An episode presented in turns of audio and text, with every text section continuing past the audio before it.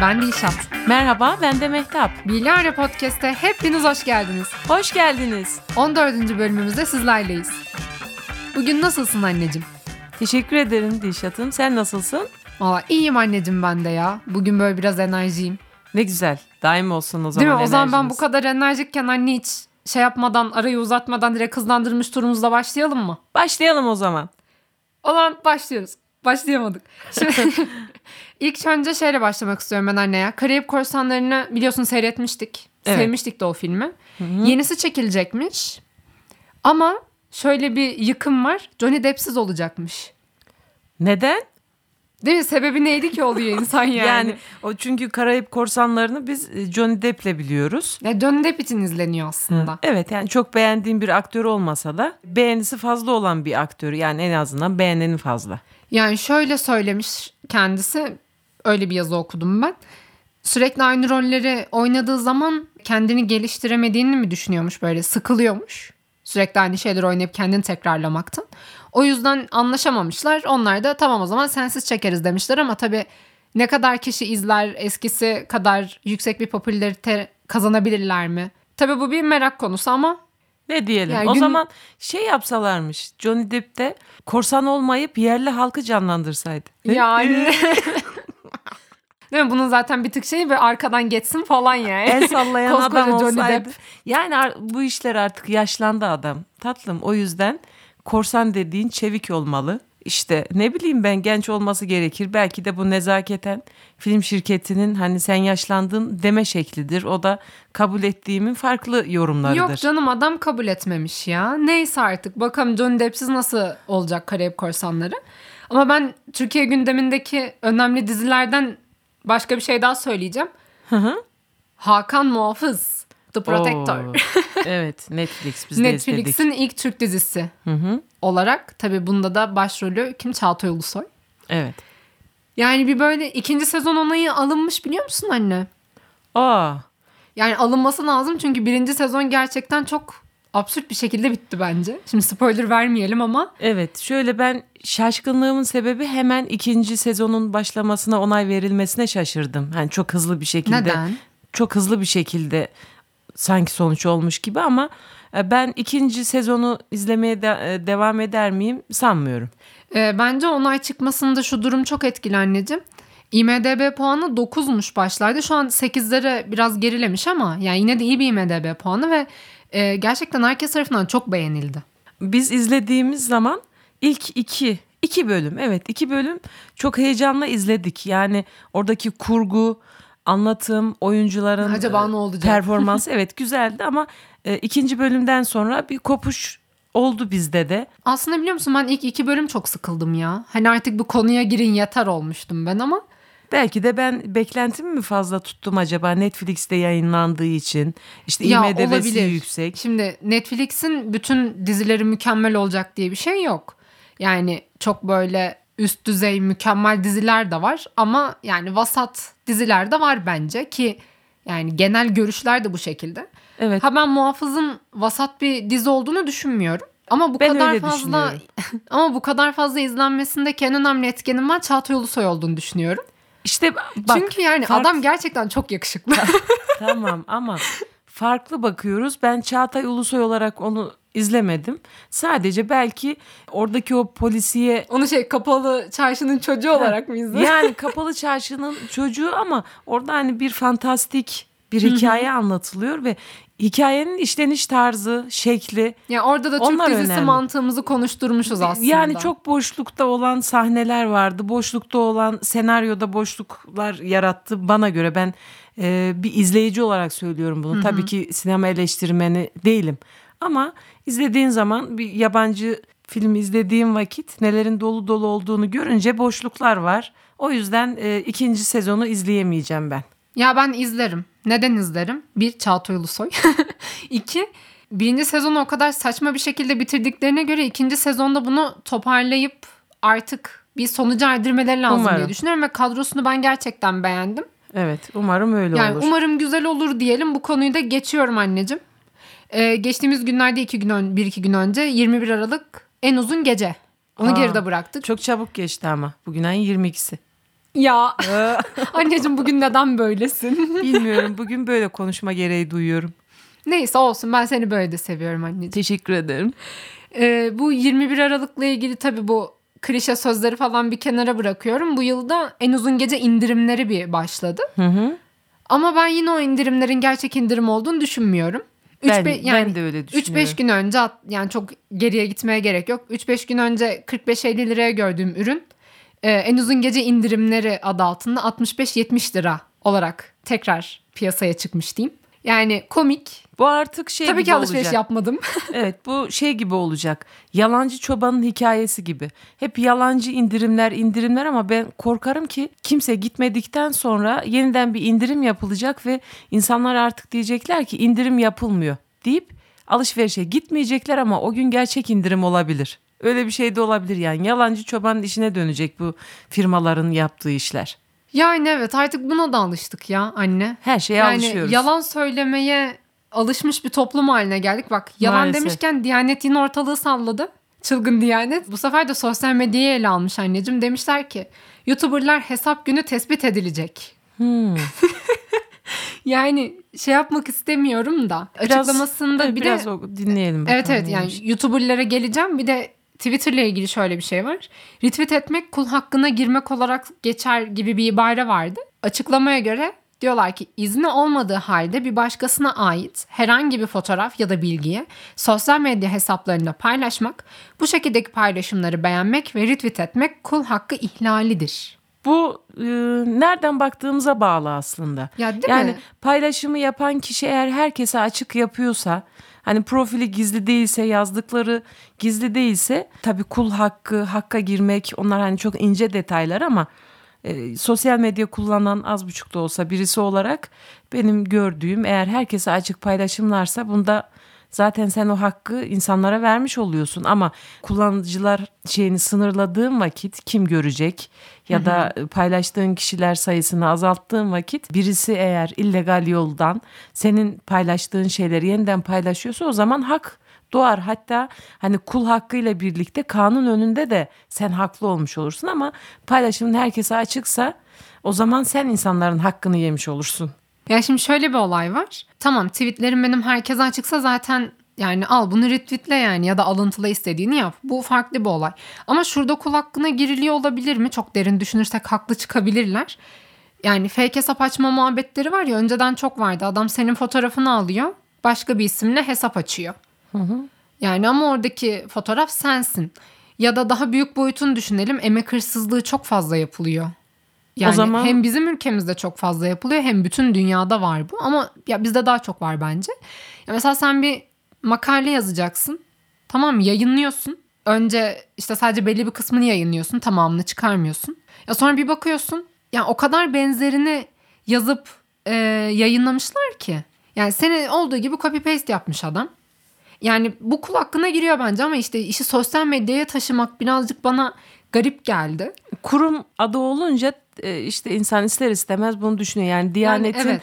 yapması gereken daha ciddi problemler varken üstünde konuşulması gereken kul hakkı e, içeren konular varken Tabii canım yani e, yani sosyal medya ile ilgilenmeseymiş keşke. Yani konu sosyal medyaya gelene kadar. Ama bak anne biz böyle şeylerle uğraşırken işte en basitinden Diyanet işleri bile tutup sosyal medya üzerine yayın yapıyorsa ya adamlar yayın hazırlamışlar buna bir basılı bir şey var yani.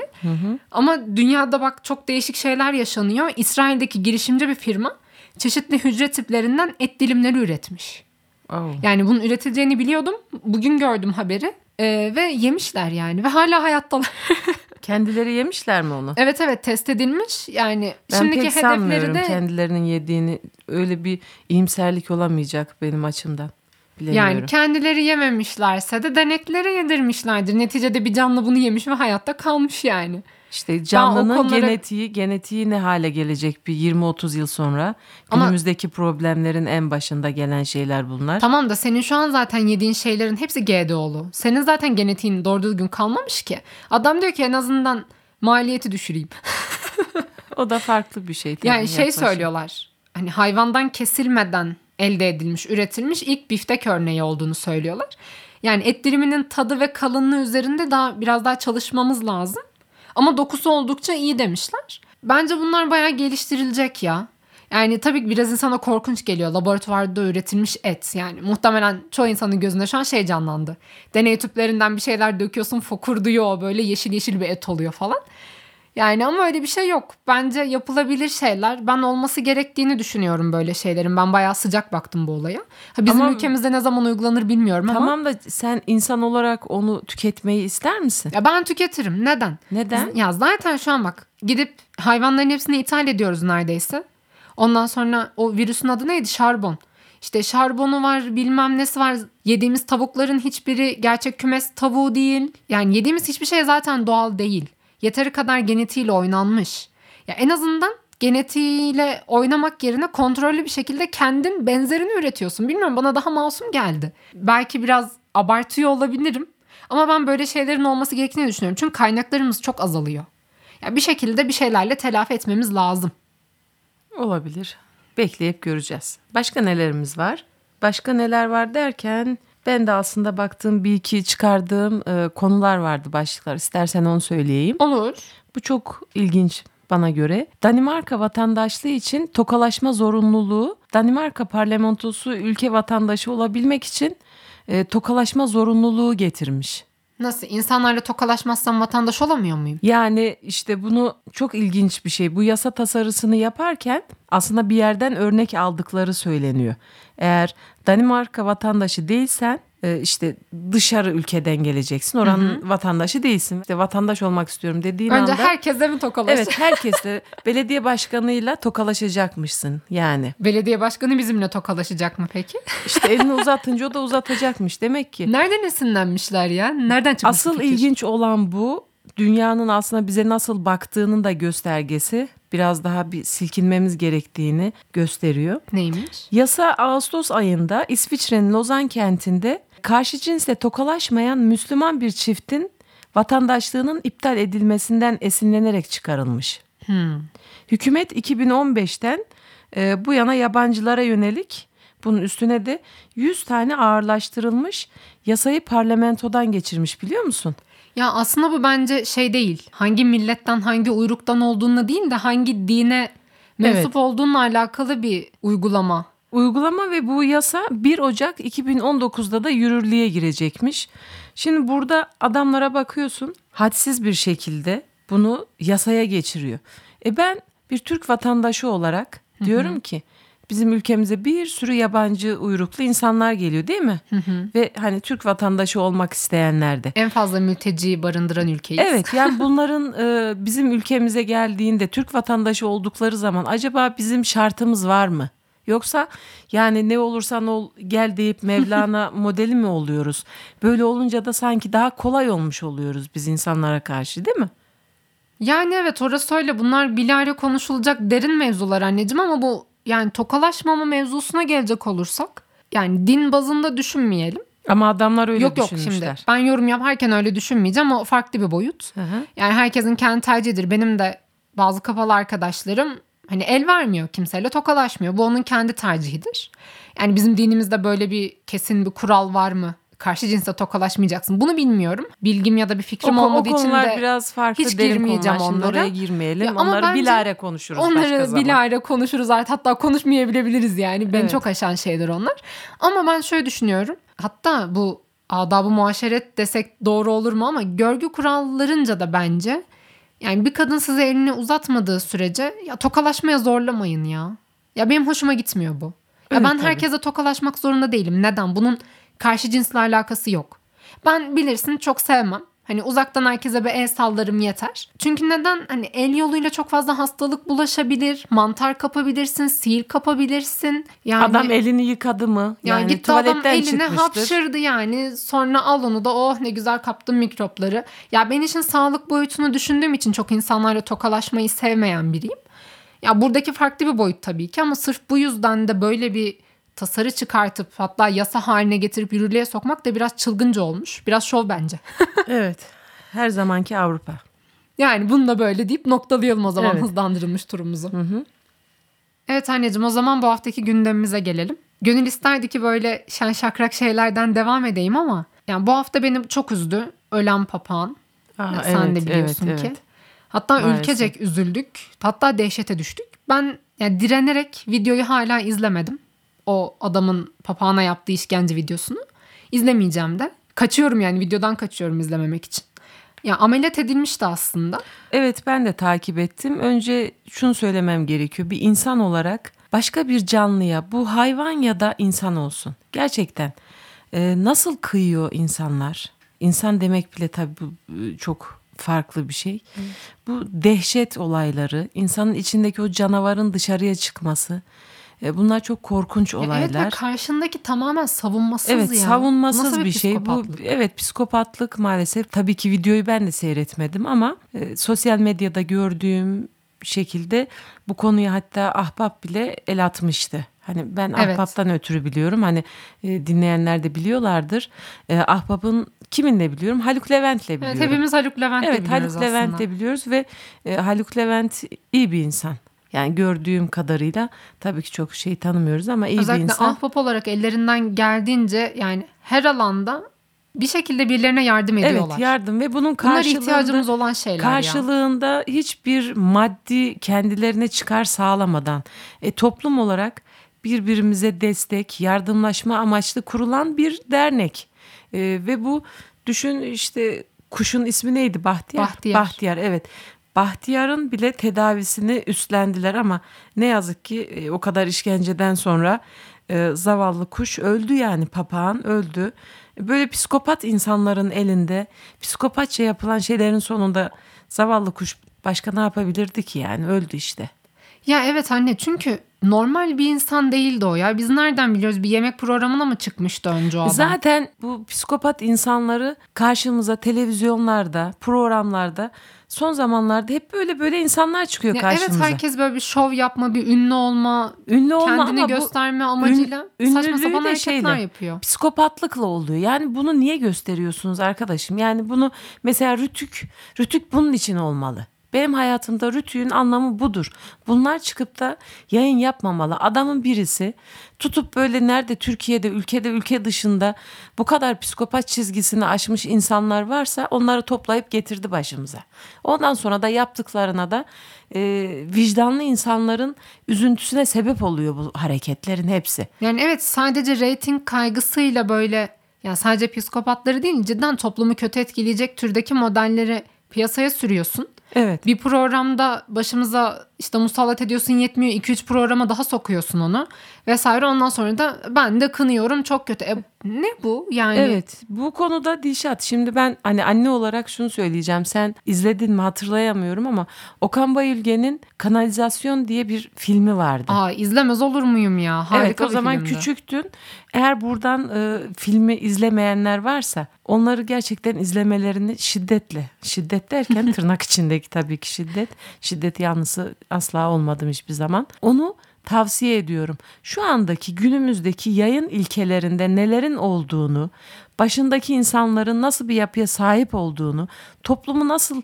e, dejenerasyona uğratıldığını en güzel anlatan bir filmdi. Evet gerçekten şu anki halimizi çok güzel bir şekilde özetliyordu o film ya. Evet çok güzel. Ee, insanlar sırf ünlü olmak adına böyle salak salak şeyleri çıkarıp karşımıza çıkarıyorlar yani. Bu çünkü sosyal medyada da öndeler. Normal hayatta da insanlar artık sen e, yine söylediğim gibi o zaman küçüktün. Bir zamanlarda Caner Ben- diye ben bir psikopatımız vardı. Caner diye bir psikopatımız vardı. Adam kafasında işte bardakları kırıyordu falan düşün. Onu sen izlemesen de gerçekten kafanı çevirdiğin yerde görmek zorunda oluyordun. Yani gözün ilişiyordu. Sen evinde o televizyonu açmasan da bir yerde gittiğin bir mekanda onu karşında görebiliyordun yani. Ve bunu yıllarca yıllarca bize maruz bıraktılar bu durumlar. Ya biz neler atlatmadık ya. Neler gördü bu ülke, neler gördü bu televizyon. Yani ama işte artık son zamanlarda böyle psikopatlık sonucu kayıplar verilmeye evet. ya evet. başlandı demeyeyim. Artmaya başladığı için aslında bu kadar gözümüze batmaya başladı. Problemli tipleri çıkardılar çünkü karşımıza. Hiç bu e, şeylerin içinde sosyal medyada yer alanların içinde hiç duyduk mu ki e, acaba çok pardon bu insan da şöyle bir bilim için uğraşı verdi. Ya ne bileyim ya da ya. yaptığı işte bunu başardı, şunu yaptı örnekler olarak. Yok öyle bir şey. Şeyler var. Yemekteyiz programları var. Ay çıldırıyorum o Yani programlara orada ben ya. e, yemekten başka her şeyi yapıyorlar. Yani bu mudur ya ne olur bu, bu kadar ağa düşmememiz gerekir ya. Ya bak nasıl da izdivaç programları kaldırılsın diye bir sürü imza kampanyaları vesaire başlatıldı. Ben çıldırıyordum zaten o izdivaç programlarını. E şimdi ne oldu o sunucular işsiz kalmasın diye. işte hepsi ya bir yemek programına başladı ya işte Müge Anlı vari durun kaybınız kim onu bulalım ayağına Evet. bir şeylere başladılar. Ya bunların önüne geçilmiyor. Geçilmesi lazım. Ama şöyle bir şey var. Toplum olarak da herhalde o manyak modelleri el üstünde tutmayı da seviyoruz ki adamlar E, bu kadar muhakkak. cesaret oluyor. Sen izdivaç programında hiç gelen bir Allah'ın kulunu beğenmeyen kadın tutup milletvekili adayı gösteriyorsun. E bu da aslında Reklamlarda oynatıyorsun. Adam amacına ulaşıyor. Ondan sonra da işte biraz, Biraz da- ününü kaybetmeye başlayacağın sapıtıp ortalığı birbirine katıyorlar yani. Evet biraz da kendi öz eleştirimizi yapmamız gereken şeyler. Arz ve talep meselesi bu. Yani yapılan yayınlarda olan her konuda hayatımızın her evresinde arz ve talep Tabii formülü canım adam vardır. şimdi sana bilimsel bir şey koysa ne bileyim ya da hep şey derler ya, klişe biz belgesel izliyoruz. Adam sana belgesel koysa biliyor ki reytingi düşecek. Evet. Veriyor entrikayı tamam mı? o da parasına bakıyor da işte sonuçları bazen böyle çirkin olabiliyor. Maalesef Ama üzücü şeyler oluyor. Üzücü şeyler artık daha bir şey söylemek istemiyorum ben bunun üstüne ya. Evet. Dilşatçığım madem bugün konulara hep sosyal medya üzerinden gidiyoruz. Gördüğüm bir konu var. O da dikkatimi çekti benim. Sen ne dersin bilmiyorum. Masar Alanson'un Yandım Yandım isimli şarkısıyla ilgili yaptığı açıklamalar ve ortada dönen bir sürü tweetler var. Bu konuda sen ne düşünüyorsun? Okudun mu? Ya ben birkaç tweet gördüm ama Masar'dan sonra bütün açıklamasına bakmaya pek bir zamanım olmadı açıkçası. Eğer sen baktıysan önce senden bir duyayım. Yani Ondan şöyle. sonra ona göre yorum yapayım. Ee, benim de okuduğum kadarıyla herkes ciddi anlamda Masar'ı yandım yandım yandım yandım pozisyonuna getirmişler. Hadi ya. Çünkü e, bu şarkıyı neden yazdığını kendince işte dini bir amaca bağlayarak Yok artık. Kabe'ye olan özlemle yazdığını söylemiş. İyi de o şarkıda şey demiyor mu ya? Bana yeniden şarkılar söyleten kadın falan. Ha, Neyi bunu, yani şimdi? Bunu öyle söylüyor ama işte insanlar da diyorlar ki benim hafızamla bari alay etme diye. Neden? En başta onu söyleyenlerden birisi benim. Yıl kaçtı? 1998 miydi acaba? Ben bilemem bunu. Ee, yılını tam hatırlamayabilirim. Ee, yanlış olabilir. Okan Bayülgen'in yaptığı bir şey vardı. Zaga. Zaga. Hı, Zaga isimli bir program vardı kızım. Orada Masar Alanson konuktu. Ee, çektikleri film vardı işte her şey çok güzel olacak diye. Onun tanıtımını yaparken orada aslında e, Masar Alanson'un Bodrum Bodrum isimli şarkısı vardı. Onun nasıl yazdığını anlattı. Ve e, anlatırken de arkasına bu Yandım Yandım isimli şarkının nasıl doğduğunu, oradaki işte yaşadığı şeyler, aşık olduğu bir kadını betimlediğini. Yani gerçek bir kadın var Ha, ortada yani. Ortada kadın var en azından o zaman öyle şeyler O zamanlar anlatmıştı. varmış. E şimdi bunları böyle söyleyince de geriye dönüp de ben onu aslında Kabe'yi düşünerek yazmıştım dediğin anda insanlar haklı olarak soruyorlar. Of ben gülerim. Yani e, Kabe o zaman da vardı Masar. Öyle söyleseydin.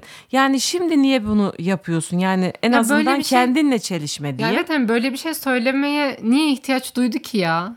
Ee, Çünkü sen, ya sen Masar Alanson'sun abi yani gündemde kalma gibi bir derdin yok. Olmamalı. Belki de vardır. Ya ama olmamalı sen Masar Alanson'sun ya. bize Yani- göre ama bak bir şey söyleyeceğim. Masar Alanson ya. Bize göre hep onlar sürekli popüler.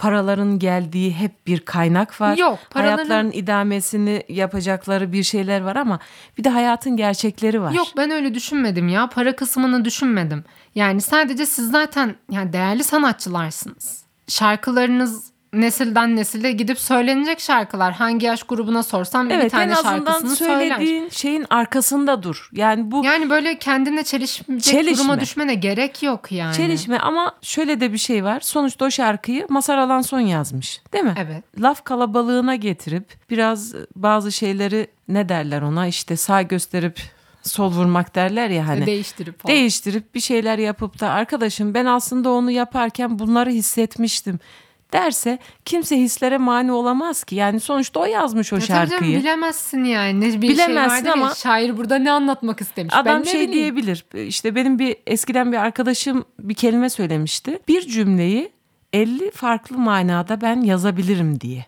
Yani işaretleme kurallarını yaparak Hmm. söylemek istediğim cümleyi farklı şekillerde anlatabilirim ve bu karşıdakinin algısıyla olan problemi olmuş olur E değil bir mi? de şimdi Türkçe mükemmel bir dil. Nereye çekersen oraya gidiyor. evet bir de karşındaki insan eğer e, manipülasyon yapmayı seven, samimiyetsizse şey Ağzı iyi diyebilir. laf yapan Ha, yani böyle. ben virgülü şu tarafa koymuştum. Sen ona baksaydın Hop arkadaşım. değişti. Hop değişti diye. Yani bu işler böyle aslında.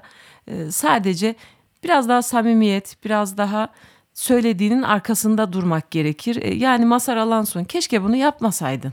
Ben o şarkıyı dinlediğim zaman evet ben o şarkıyı tabii ki Masar Alanson güzel söylüyor ama ben Tarkan'dan dinlemeyi severim o şarkıyı. Tarkan o şarkıyı söyledi mi ya? Tabii ki. Aa, Güzel. bilmiyorum. Tavsiye ediyorum. Lütfen kayıttan sonra dinlemeni tavsiye ederim. Yani din- dinlerim ama benim biliyorsun ben böyle çok birkaç örnek hariç hep şarkı kimin sondan dinlemeyi daha çok severim. Acaba şey var diye bir Benim Hala Umudum Var şarkısı vardı Masar Alanso'nun. Onunla ilgili de açıklama yapacak mı? Bak onu çok merak ettim. Bilemiyorum ki görüp bakacağız. Nasıl olsa Cennete gitmek için hala umudum. evet ama cennete gitmek o kadar Çirkin kolay değil. Evet çirkin oldu. Cennete gitmek o kadar kolay değil. Bana göre söylediği sözün arkasında dursaydı belki kapı aralanırdı. Oo bu çok Yani, sert oldu ya. öyle Wow, bir wow, şey. wow.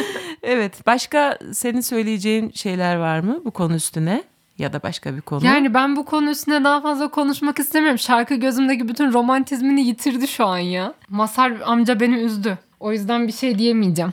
O yüzden anneciğim bu bölümü burada noktalayalım mı? Olur. Evet, neden trip olmasın? yapıyorum şu an. O zaman bizi dinlediğiniz için teşekkürler. Haftaya 15. bölümümüzde görüşmek üzere. Hoşçakalın. Hoşça kalın, dostça kalın.